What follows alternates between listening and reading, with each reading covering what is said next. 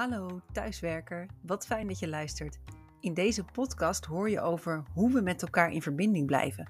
Ook op afstand, ook online. Want hoe kunnen teams en organisaties werken aan werkgeluk terwijl we met z'n allen remote en hybride werken? Elke week spreek ik met experts op het gebied van tools, technieken en werkvormen. Mijn naam is Jasmijn Mioch en ik ben de gelukkige thuiswerker. Als facilitator van online sessies zie ik in de praktijk dat het kan jezelf zijn, bevlogen zijn, een team zijn, ook in online tijden. Welkom bij de Gelukkige Thuiswerker. Hoe een bruiloft zorgt voor meer werkgeluk. Dat is het verhaal van Jul van den Bomen. Zij ervaarde zelf hoe dankbaarheid in het leven alles anders kleurde en startte haar onderneming Toptimism at Work. Vandaag is Jill te gast in de Gelukkige Thuiswerker en spreken we over optimisme, pessimisme en realisme op de werkvloer. Van harte welkom, Jul. Dankjewel, Jasmijn. Ja, heel fijn dat jij hier bent. Jij vertelde hier net zojuist dat een bruiloft alles in gang zette. Hoe zit dat precies? ja, die bruiloft, mijn eigen bruiloft uh, hebben we het dan over, die uh, gaf me de ervaring dat uh, bezig zijn met alles wat goed is, je echt zo'n compleet ander gevoel kan geven in de aanloop naar mijn bruiloft toe was ik heel erg bezig met wie ik wilde bedanken uh, voor nou ja, de liefde en de kleur in mijn leven. En uh, dat gaf me zo'n bijzonder prettig en goed en positief gevoel dat ik erin ben gedoken. En daarnaast herkende ik heel erg wat ik ook in mijn werk met teams altijd al zag. Dat energie omhoog gaat en enthousiast wordt als je het hebt over dingen die goed gaan, terwijl die heel erg neergeslagen wordt als je het hebt over tegenvallers. Ja, want, want neem ons eens mee naar die tijd voor jouw eigen bruiloft. Je werkte al met teams. En wat, wat probeerde jij te bereiken met teams toen? Nou, eigenlijk was ik toen, maar nog niet zo bewust, ook al bezig met, uh, ja, met werkgeluk. Alleen in de vorm van het werkende en het samenwerkende leven soepeler, luchtiger, makkelijker en succesvoller maken. En eigenlijk is daar niks aan veranderd. Maar uh, door die bruiloft was ik, had ik zo sterk de ervaring dat het echt heel veel kan brengen als je bewust omgaat met hoe, nou ja, hoe onze aandacht werkt. Dat ik dacht, daar wil ik gewoon meer mee doen. Ja, ja en toen ben je volgens mij werkgelukdeskundige geworden. En heb je je hele bedrijf, je was bezig met teams, omgevormd naar Toptimism at Work. En toptimisme, dat betekent zoiets als optimisme zorgt voor topprestaties. Prestaties, heb ik begrepen. Klopt, ja. Ja, ja ik heb toen inderdaad mijn naam veranderd. Dat is wat gebeurde, ja. En wat betekent optimisme dan voor jou? Optimisme is eigenlijk een, een houding, een mindset. Uh, het is een manier van denken en doen. Die wordt gekarakteriseerd door dat mensen uh, hoop hebben en vertrouwen hebben in een goede toekomst, in, in positieve veranderingen en succes. En het is dus toekomstgericht, maar daarnaast gaat het ook om hoe je tegen de werkelijkheid aankijkt. Zoals ik toen tijdens mijn bruiloft heel erg ervaarde, ervoer. Uh, ja, wat voor verhaal vertel je zelf over dat wat je meemaakt? Is dat een verhaal van vertrouwen en uh, gericht op positieve aspecten? Of ben je juist bezig om jezelf eigenlijk een negatief verhaal voor te schotelen?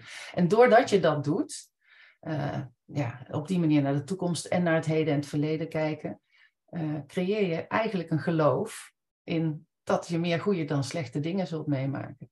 Dus optimisme is, als ik jou hoor, eigenlijk hoe je naar de wereld kijkt. Ja, hoe je eigenlijk hoe je naar het verleden, het heden en naar de toekomst kijkt. En het verhaal wat je jezelf vertelt. Misschien. Ja, welke betekenis je daaraan geeft. ja, beetje plakken. Ja, Jules, ze zeggen wel eens je bent een optimist of je bent een pessimist. Klopt dat zo? Zijn, zijn sommige mensen gewoon optimistischer dan anderen? Of is het iets wat je kunt veranderen? Ja, dat, dat vind ik altijd een hele interessante vraag en daar ben ik ook ingedoken. Uh, wat ik tegenkwam is dat een men zegt, uh, onderzoek blijkt uit te wijzen dat je uh, je instelling, om het zo maar te noemen, ongeveer voor 25% is bepaald. En dat heeft dan weer te maken met hoe actief je angstcentrum in je brein is, of hoe aan de andere kant, hoe actief je beloningscentrum in datzelfde brein is. En dat is dan aangeboren, dat is hoe je hersenen in elkaar zitten. Ja, ik, ik, dat vind ik eigenlijk mooi hoe je dat zegt. Dat is eigenlijk hoe je hersenen in elkaar zitten. En uh, dat is inderdaad aangeboren. Er schijnt ook een gen te zijn. Vraag me even niet naar de naam, want het is een hele wetenschappelijke naam. Er schijnt ook een gen te zijn die uh, ons optimistischer maakt. Uh, maar ik geloof er ook in dat het heel erg met uh, je allervroegste jeugd te maken kan hebben natuurlijk. Maar in elk geval is dat hoe jij uh, nou, helemaal in het begin uh, in elkaar steekt. Het is het aloude nature-nurture. Dus, dus 25% ja. is nature, 25% is aangeboren en de rest is door je opvoeding en hoe je naar de wereld kijkt. Ja, precies. Terwijl ja, nurture zou je nog kunnen zien als dat allereerste begin. Hè? Ik vind dat altijd een lastige discussie. Maar die, er is in elk geval 75% over in het algemeen. En we hebben het hier even niet over mensen met gedragsstoornissen of uh, psychische stoornissen natuurlijk. Uh, maar voor de gemiddelde mensen is er 75% over die je kunt ontwikkelen. En eigenlijk is dat ook best wel logisch als je in de werking van het brein duikt. Dat heb ik ook in mijn boek gedaan. De raad... Ja, want we hebben het helemaal nog niet over je boek gehad, maar er komt een boek uit. Binnenkort, ja, nu, of als de mensen luisteren, is die denk ik al uit december 2022. Hoe heet je boek? Mijn boek heet Optimisme aan het werk. Ja. En uh, het komt inderdaad uh, op 12 december is het, is het leverbaar. Dus, ja. Uh, ja, en je vertelde wat je ook in je boek vertelt over dit onderwerp. Ja, ja, ik vond het zo'n fascinerende, fascinerend fenomeen dat je gewoon merkt dat optimisme of pessimisme altijd effect heeft op energie. En daarmee ook op daadkracht, op motivatie en dat soort zaken. Dat ik ook echt uh, wilde weten hoe dat zat. Dus ik ben ook echt een beetje in het brein gedoken. En uh, nou, dan zwaai ik ook altijd met het brein. ja, voor de luisteraars. Jill heeft nu een, een modelbrein voor zich met prachtige kleuren. Ja, ja ja, het, voelt toch altijd weer goed om dat even vast te pakken. Uh, want optimisme kan natuurlijk heel erg vluchtig en abstract worden. Maar als je duikt in hoe het brein werkt, dan uh, zitten daar best wel uh, mechanismen in. Die sowieso altijd al plaatsvinden. Daarom zijn het ook mechanismen. Maar die je een beetje kunt sturen. En daarmee kun je, kun je dus ook je optimisme ontwikkelen. Ja, en als ik jou zo hoor wat optimisme allemaal op gang brengt, daadkracht bijvoorbeeld, motivatie, dan is dat voor, team, voor teams, voor organisaties, voor mensen super relevant om mee aan de slag te gaan. Ja, ja absoluut. Ja, je, je kunt je voorstellen dat uh, uh, als je zeg maar aan de uiterste kanten van het spectrum zit, dat dat nogal wat doet met je. Uh, met ja, en met het spectrum bedoel je aan de ene kant optimisme en aan de andere kant ja. pessimisme. Ja, en eigenlijk bedoel ik met het spectrum dat inderdaad, maar als je echt naar het ene uiterste kijkt, dan zit daar de fatalist. Iemand die zegt, nou ja, we hebben nergens invloed op. En uh, het, uh, het wordt nooit meer beter. Even heel ja. erg uh, overdreven gesteld. Nou, je kunt je voorstellen dat die redelijk apathisch is en zich nogal hulpeloos opstelt en afhaakt. En aan de andere kant van het spectrum heb je de optimist, maar ook de overdreven optimist, de blinde optimist die misschien wel naïef is. Ja, en... ik zit heel erg te lachen nu, want ik denk dat ik misschien richting die overdreven optimist ga, maar dat weet ik niet. Nou, op zich vraag ik me dat af. Als ik zie hoeveel jij doet. Want die blinde optimist, dat wou ik net zeggen, die denkt misschien van alles komt wel goed. En die oh, doet ja. ook misschien wel niks. Laissez-faire. Ja, precies. Ja. En, en het kan zelfs oh, zo in ons brein zo werken. Hè? Als jij zaken uh, helemaal suf visualiseert, alleen maar de uitkomst visualiseert, dan wordt je brein er zelfs word je er een beetje lui van. Want ja, ons brein dat zeggen ze wel eens, kent het onderscheid niet tussen wat echt is en wat, wat jij uh, visualiseert. En dan denk ik, ja, ik hoef niks meer te doen, want uh, oh ja. de uitkomsten zijn dan zichtbaar. Dus waar ik voor ga in mijn boek, met mijn boek, is voor realistisch optimisme. Dus niet alleen die uitkomsten visualiseren, ja zeker ook doen, hè? want dat ja. maakt het aantrekkelijk. De positieve toekomst voorstellen, ja. Ja, maar ook het pad ernaartoe. Want het pad kent meestal wel wat hobbels en wat bobbels. En hoe ga je daar dan mee om? En als je die erbij visualiseert, hè, dus realisme toevoegt aan het optimisme, dan uh, is de kans veel groter. Dat is ook wetenschappelijk aangetoond. Dus de kans veel groter dat je daadwerkelijk die doelen gaat bereiken. Dus jij zegt realistisch, optimistisch, dat is de sleutel tot daadkracht, succes, werkgeluk. Klopt dat? Ja, ja. ja. Ja. ja. nou ja, dat, dat klinkt als een prachtig uh, toekomstbeeld. Uh, ik ben helemaal voor. Um, aan de andere kant denk ik ook, oké, hoe komen we daar dan? Want ik zelf ben, ja, ik vertelde aan het begin al eventjes, uh, voordat we de recording aanzetten, dat ik door teamleden, toen ik nog bij HR werkte, echt werd bestempeld als jij bent onze optimist. Daar voelde ik me ook super senang mee. Dacht ik, ja, ik ben de optimist. Aan de andere kant, kijk, kan het soms ook zijn dat ik alles bagatelliseer. Van, oh nee, komt toch goed. En uh, kijk, het is zo, als het regent, denk ik, oh yes, de plantjes krijgen water. Weet je wat, dat ben ik. En dat kan ook heel irritant zijn. En jij zegt, zo voeg er nou wat realisme bij, want dan krijg je ook dingen voor elkaar. Hartstikke mooi. Maar dan, hoe doen wij dat als individu en als team? Hoe zorgen wij dat wij die optimistische realist worden?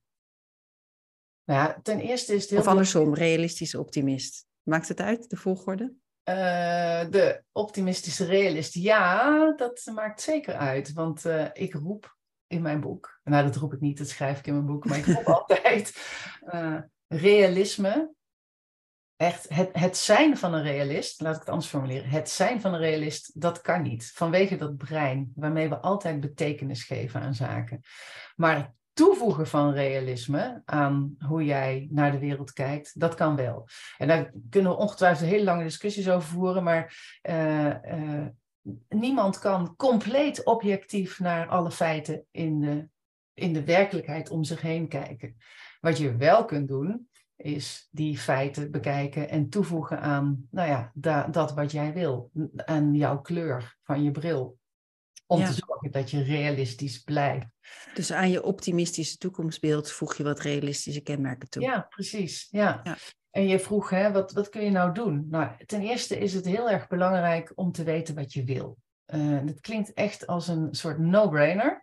Maar ik kom in mijn praktijk heel veel uh, individuen tegen, maar ook heel veel, heel veel teams die eigenlijk niet zo goed weten welke richting het nou op moet uh, met hun werk. Uh, wat zijn de doelen? Het is een klacht die ik heel vaak hoor. Van ja, we hebben geen duidelijke richting, we hebben geen duidelijke ambities, of het zijn er te veel. Hè, waar leggen we de focus, de prioriteit? Dus dat is voor mij al een soort startpunt. Weten wat je wil, helderheid hebben over je ambities, je aspiratie. Nou, dat is eigenlijk niet zo eens zo heel erg makkelijk. Veel mensen zijn natuurlijk zoekend van wat wil ik nou en waar is dit team voor? Nee, dat klopt.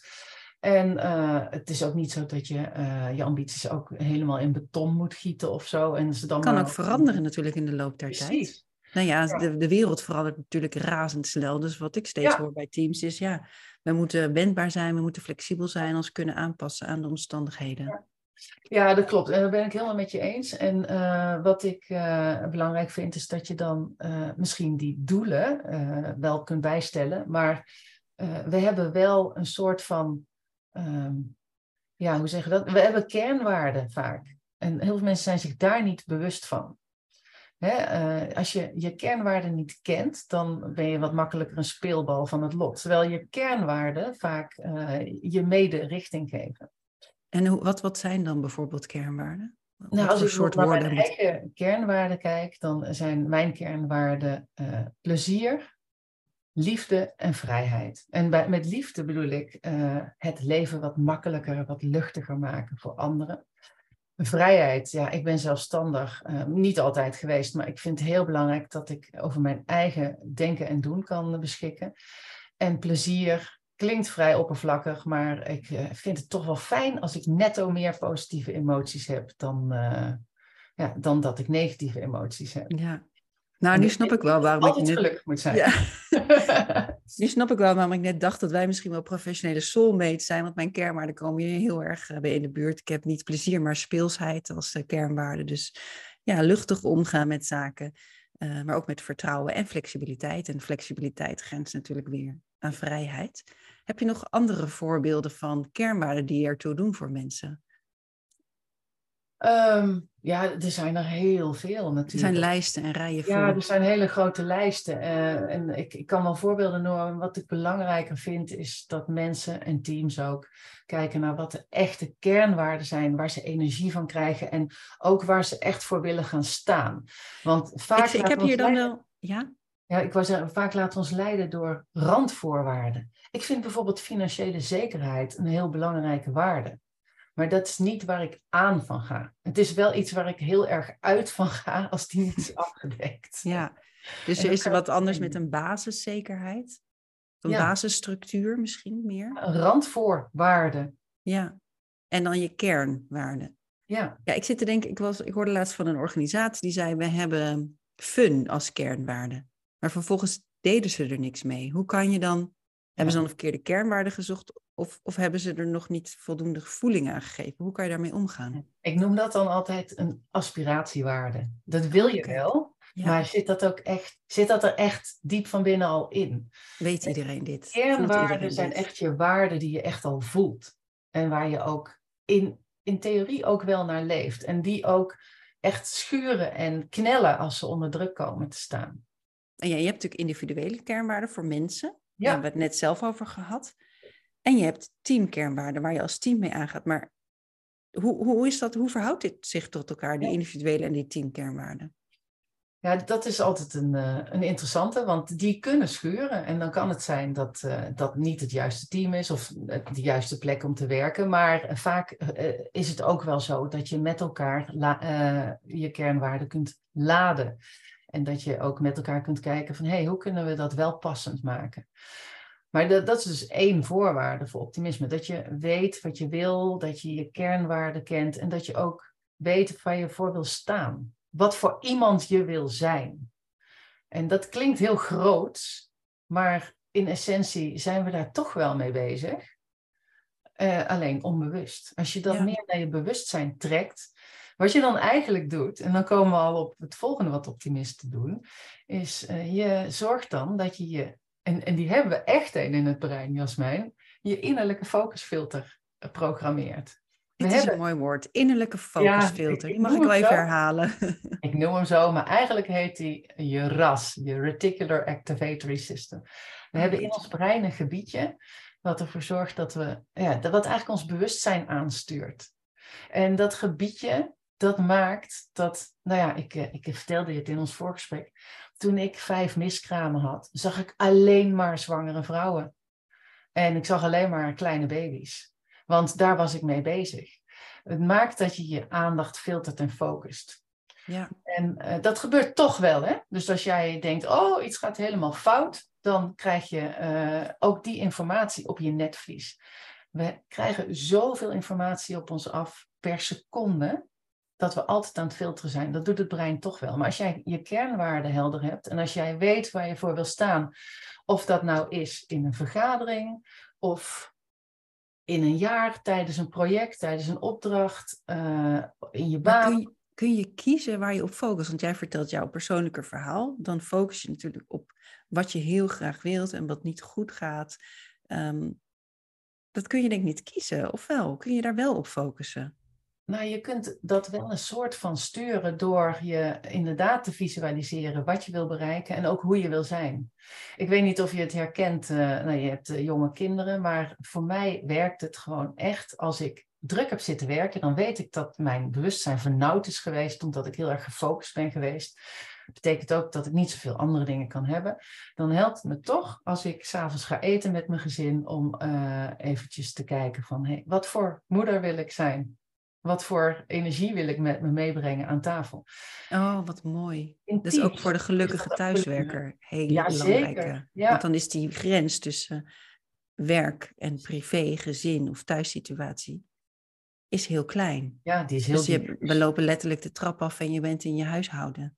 Ja, ja ik, ik ben misschien best een blij mens, maar toen ik bijvoorbeeld aan mijn boek aan het schrijven was en ik zat heel erg te, te focussen op uh, een bepaald hoofdstuk of zo, en uh, dan komt er iemand binnen die, waar ik heel veel van hou, mijn man of mijn kinderen, en die stelt me een vraag over: is er al eten in huis? Dan kan ik echt wel grommen. Ja. en, uh, maar dat, dat is niet omdat ik een slecht mens ben. Dat is meer omdat ik op dat moment heel erg gefocust ben. En dat is ook ook heel belangrijk uh, om te weten als je het over optimisme hebt. Stress en angst zorgen voor bewustzijnsvernauwing. En dat is helemaal niet verkeerd. Als dat nodig is, als je ergens voor moet vechten of moet vluchten, of als we deadlines moeten halen, heb je dat nodig. Ja. Alleen we leggen ons zoveel extra stress op door te piekeren of door negatieve toekomstvoorspellingen te doen. Als jij het hebt over bewustwordingsvernauwing, wat, wat, hoe ziet dat er dan uit? Bewustzijnsvernauwing. Bewust, bewustzijnsvernauwing, wat, wat is dat? Nou, dat betekent dat je echt je aandacht heel erg op, op één ding richt. Ja. Uh, en als dat iets is wat heel spannend is, dan uh, doet dat natuurlijk wat met je. Terwijl als jij je focust, of je focust, als je je gaat dromen over hoe je wil zijn of over eh, de doelen die je met elkaar wil bereiken, dan activeer je letterlijk andere delen van je brein, waardoor je ook veel meer oplossingen ziet. Je gaat meer zien om je heen.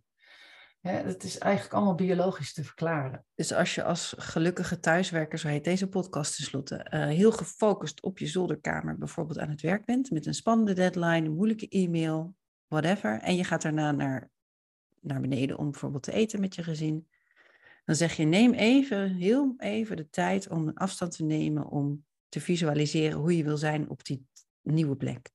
Ja, en, en als je echt je optimisme dan wil voeden, dan is het helemaal prachtig als je dat doet door even, ja, desnoods het op te schrijven, maar even stil te staan bij, hé, hey, wat heb ik nou gedaan en uh, waar heb ik uh, uh, invloed uitgeoefend op iets wat je wil bereiken? En oké, hartstikke mooi. En vervolgens te kijken van, oké, nu ga ik een andere situatie in met, ja, dit klinkt heel klinisch, met misschien wel een andere rol.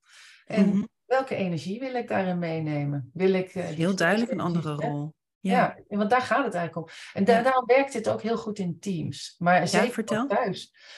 Nou ja, omdat dat, dat, doen we natuurlijk maar zelden. Hè? We rennen van de ene vergadering naar de andere vergadering, waar we misschien ook andere rollen hebben. Terwijl het is zo behulpzaam om je, uh, behulpzaam om je even de vraag te stellen: wie en wat wil ik zijn in deze ja.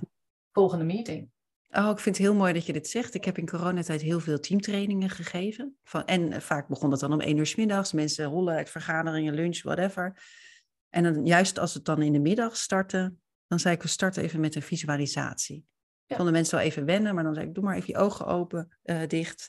Um, voel even in de ruimte. Hoe zit je erbij? Laat maar even los. En dan na een minuut of vijf mogen mensen hun ogen weer openen en dan starten we de check-in.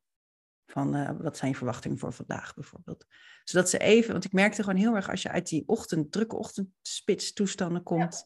En dan in de middag moet je naar een training, totaal andere vibe, heel andere groep mensen. Even loslaten. Mooi. Ja, ja en wat je dan daarmee eigenlijk doet, is even die aandacht resetten. Aandacht resetten, ja, heel mooi. Ja. We hebben het gehad over verschillende onderdelen om optimisme op het werk te laten werken. Wil je even de eerste twee herhalen die we hebben besproken? Um, de twee onderdelen, wat bedoel je precies? Eh, als we het hebben over waarom optimisme op het werk kan werken, dan gaat het over je focus veranderen. Ja, ja, ja, sorry. Ja. En je toekomstbeeld visualiseren. Ja, ja wat, uh, weten wat je wil is de Weten eerste. wat je wil is één. Ja, precies. Daar was ik naar op zoek. Ja, nee, precies. Weten wat je wil. En, en uh, ja, dus weten wat je wil is belangrijk. En uh, daarom, ik kom daar straks uh, denk ik wel even op terug, heb ik een model ontwikkeld. Een positieve visie hebben is belangrijk. Hè? Want het is fijn ja. om te weten wat je wil. Heel veel mensen focussen zich op weten wat ze niet willen. Maar vertaal dat naar wat je wel wil. En dan gaat het inderdaad over die kernwaarden van de individuen en van de teamleden. Ja, van de team ja onder andere. En waar wil je voor staan? En misschien ook wel over doelen. Maar die kunnen misschien door veranderende omstandigheden ook weer wijzigen. De tweede is dat filteren en focus van die aandacht hè, waar ja. we het over hadden. En dat doet je brein toch al, dus dat kun je maar beter uh, een soort van sturen door te weten ja. wat je wil en het je ook voor te stellen. En dus ook echt te zoeken naar informatie.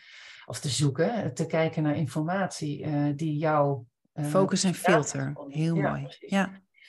ja, dat klinkt heel lekker. Focus en filter. Vervolgens is het zo dat optimisme kijken naar wat ze wel kunnen beïnvloeden, in plaats van dat ze al hun energie stoppen of te veel energie stoppen in alles wat je niet kunt beïnvloeden. Ja. Uh, die is ook belangrijk. We zijn de cirkel van invloed. Ja, die is zo mooi. Of de, of de, de cirkel van acht, ik weet niet of je die kent.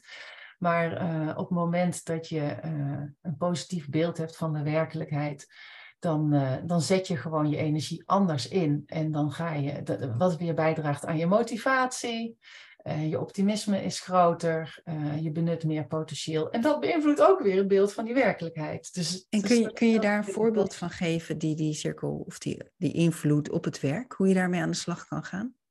Dus stel een team, van, je bent een persoon in een team, nou dat zijn we bijna allemaal wel. En je denkt, ja, ik wil optimistischer naar het leven kijken of naar het team kijken en ik wil me kijken naar mijn invloed. En hoe ik daar gebruik van kan maken. Hoe, hoe zou je dat concreet kunnen maken? Nou, ik heb bijvoorbeeld uh, vaak genoeg teams die zeggen, ja, alles wat we doen heeft toch geen zin. Het, ze komen niet zo heel snel met de vraag bij mij van, we willen optimistischer worden. Maar meestal is er een verandering die doorgevoerd moet worden. En ja, het maakt nogal wat uit of je denkt van, nou, dit is de zoveelste verandering. Of gaat afwachten wat je moet gaan doen als team. Terwijl ik regelmatig in die teams kom en dan zeg van jongens, maar wat willen jullie nou zelf? Hè? Wat vinden jullie nou zelf echt belangrijk? En er, ja, er komt een verandering aan, maar binnen dat gegeven, wat willen jullie nou zelf? Vanuit ja, die kernwaarden, die, daar moeten we dan natuurlijk naar kijken. En dat geeft ze vaak veel meer het gevoel van controle als je dat gesprek met ze aangaat. Uh, heel vaak hebben mensen en je kunt het autonomie noemen. Ik weet niet zeker of dat hetzelfde is, maar heel vaak hebben mensen het idee dat het toch wel bepaald wordt voor ze. Ja, dat ze geen invloed kunnen uitoefenen. Ja. ja, en dan een speelbal. Precies, en dan kijk ik natuurlijk van, nou, wat wil je dan zelf? Nou, uh, we willen een aantal zaken anders inrichten, we willen iets doen met de werkdruk. En dan is het belangrijk om te kijken welke overtuigingen liggen daar nou onder ja, het kan toch niet. Uh, het management luistert nooit naar ons. Ja, is dat dan wel echt zo? Waar baseer je dat op? Nou, we hebben het uh, drie jaar geleden ook al aangekaart. Of ik, ik overdrijf het nu een ja, beetje. nou heel graag. Ja, ik denk herkenbare... Oh, het overdrijven. Ja, maar goed. Allemaal oh, wel een keertje gezien. De helft van het managementteam is inmiddels veranderd. Uh, misschien uh, kun je het op een andere manier aankaarten. En uh, zijn er ook nog andere teams die dit herkennen. Dus wat ik, ik daag ze dan uit om te kijken, en, en, of het nou om teams of om individuen gaat, van zie je, zijn er voorbeelden die dit wel al voor elkaar hebben gekregen of waar het anders gaat? Wat kun je daarvan leren?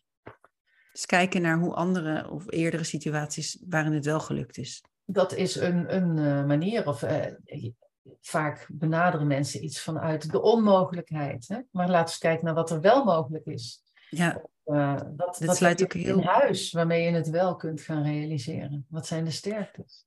Ja, dat sluit ook heel mooi aan bij de theorie van appreciative inquiry, waardierend onderzoek, bekend uit de politieke, of die politieke, positieve psychologie. Um, en dan ga je kijken naar wat goed gaat en dat laten groeien.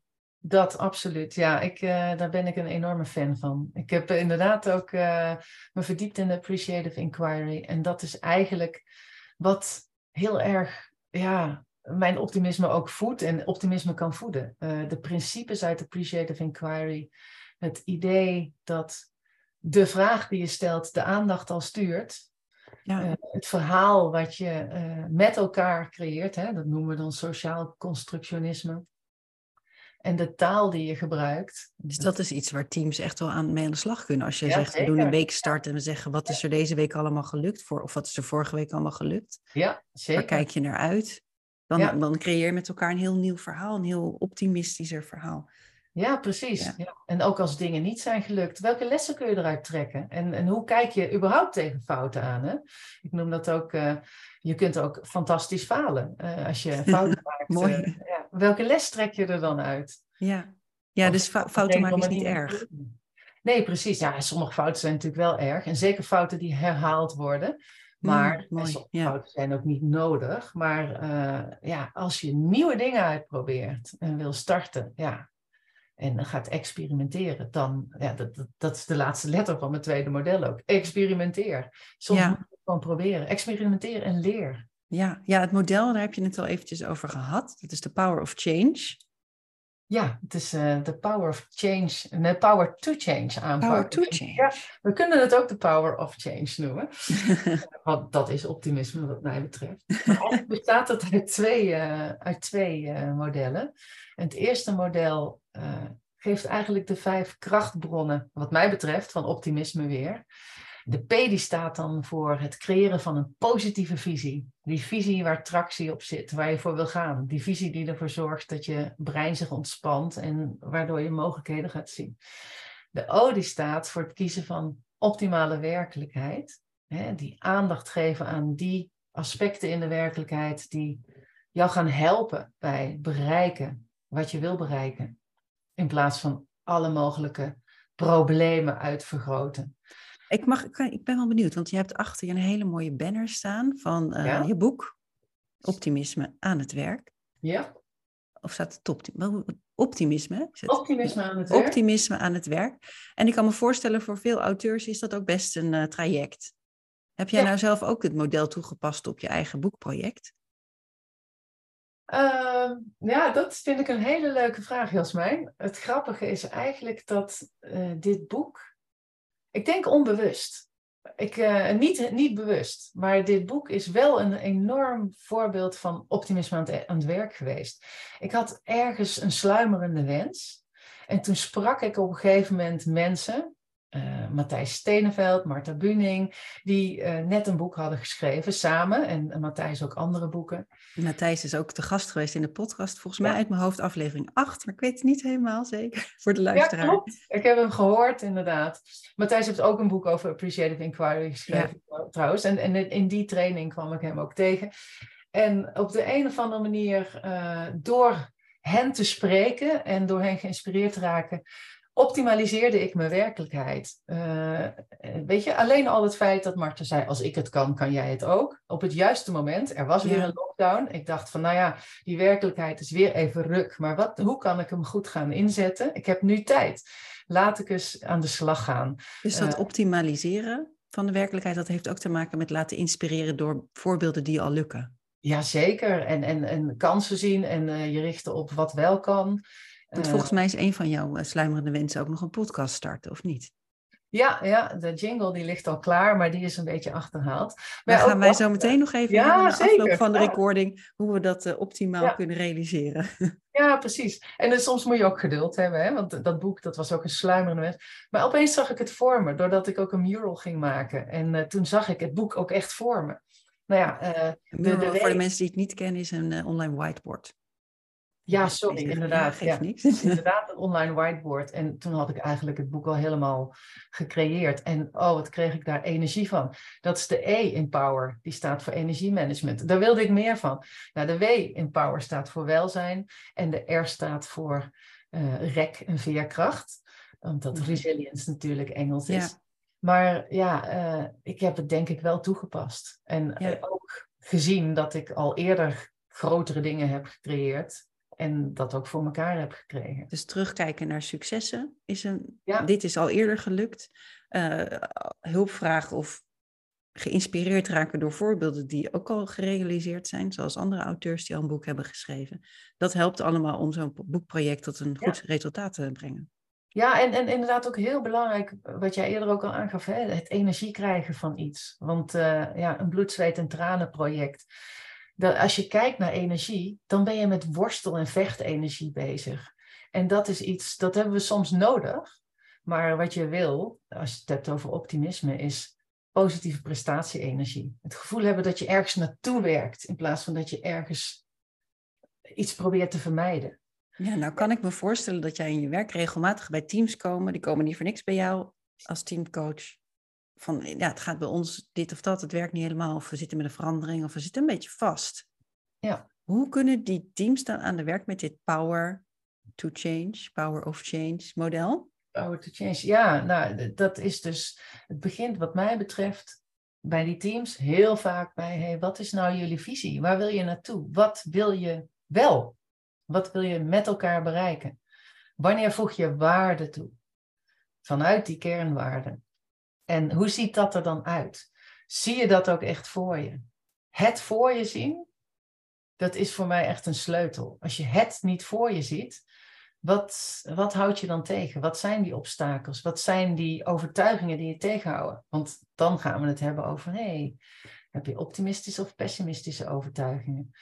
En die, en die kun je dus wel veranderen, of niet?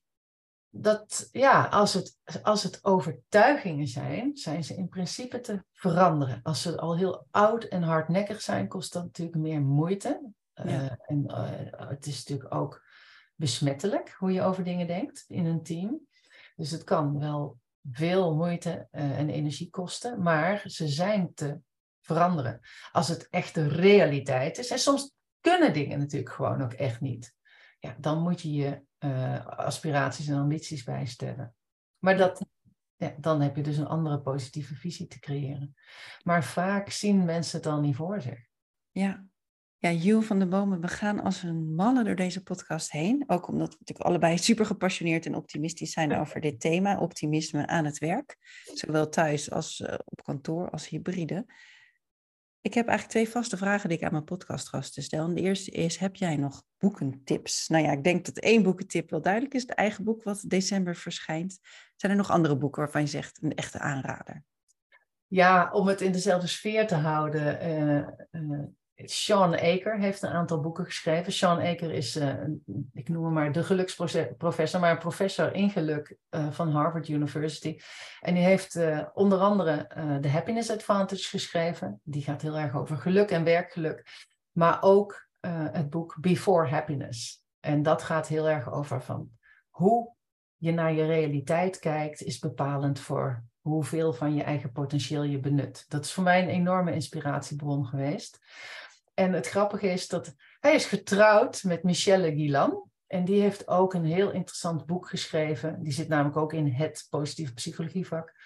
Over broadcasting happiness, zo heet het. De manier waarop we praten en ook uh, communiceren bepaalt heel erg uh, ja, hoe gemotiveerd we zelf en hoe gemotiveerd anderen zijn. Ja, superleuk. Ja, we vertelden helemaal aan het begin, het voorgesprek, waar de luisteraar nog niet bij was, dat wij allebei uit de sociaal-wetenschappelijke hoek komen. Jij bent bestuurskundige, ik ben politicoloog. Ja. En ik ben dus afgestudeerd op framing, hoe je nieuwsberichten kunt framen om de kiezer te beïnvloeden. Maar je kunt dus ook je eigen gedachten framen om je eigen optimisme te beïnvloeden, als ik dit zo hoor. Ja, ik vind dat een hele mooie conclusie. En dat is inderdaad een van de mechanismen die ik beschrijf. Is het, ja, jij noemt het framing, het primen. Ja. En daar kunnen we gewoon best wel veel mee spelen. En er is dus veel mogelijk. Ja, er is echt wel heel veel mogelijk. En het grappige is, ja, het is een enorme tegeltekst. Wat je aandacht geeft, dat groeit. Maar ook letterlijk in je brein. Als jij uh, zorgt dat je daar meer mee bezig bent, dan leg je uh, andere paadjes aan in je brein, die dan snelwegen worden.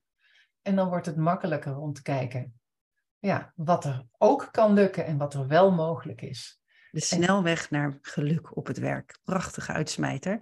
De allerlaatste vraag voordat wij helemaal gaan afsluiten. Jules, ben jij een gelukkige thuiswerker? Ja, zeker. Ik ben een gelukkige thuiswerker, zolang mijn kernwaarden uh, voldoende aan bod komen. En uh, nou ja, die vrijheid heb ik natuurlijk enorm. En uh, ja, zolang ik kan verbinden met leuke, interessante mensen en genoeg buiten mag spelen, met leuke, interessante teams en, uh, en uh, coaches, ja, dan heb ik ook nog mijn kernwaarde liefde die dan bevredigd wordt. In de zin van dat ik mensen kan helpen om lichter en luchtiger samen te werken en te werken. Ja, ik ben een gelukkige thuiswerker. Dankjewel, Jo van den Bomen van het boek Optimisme aan het werk. Graag gedaan.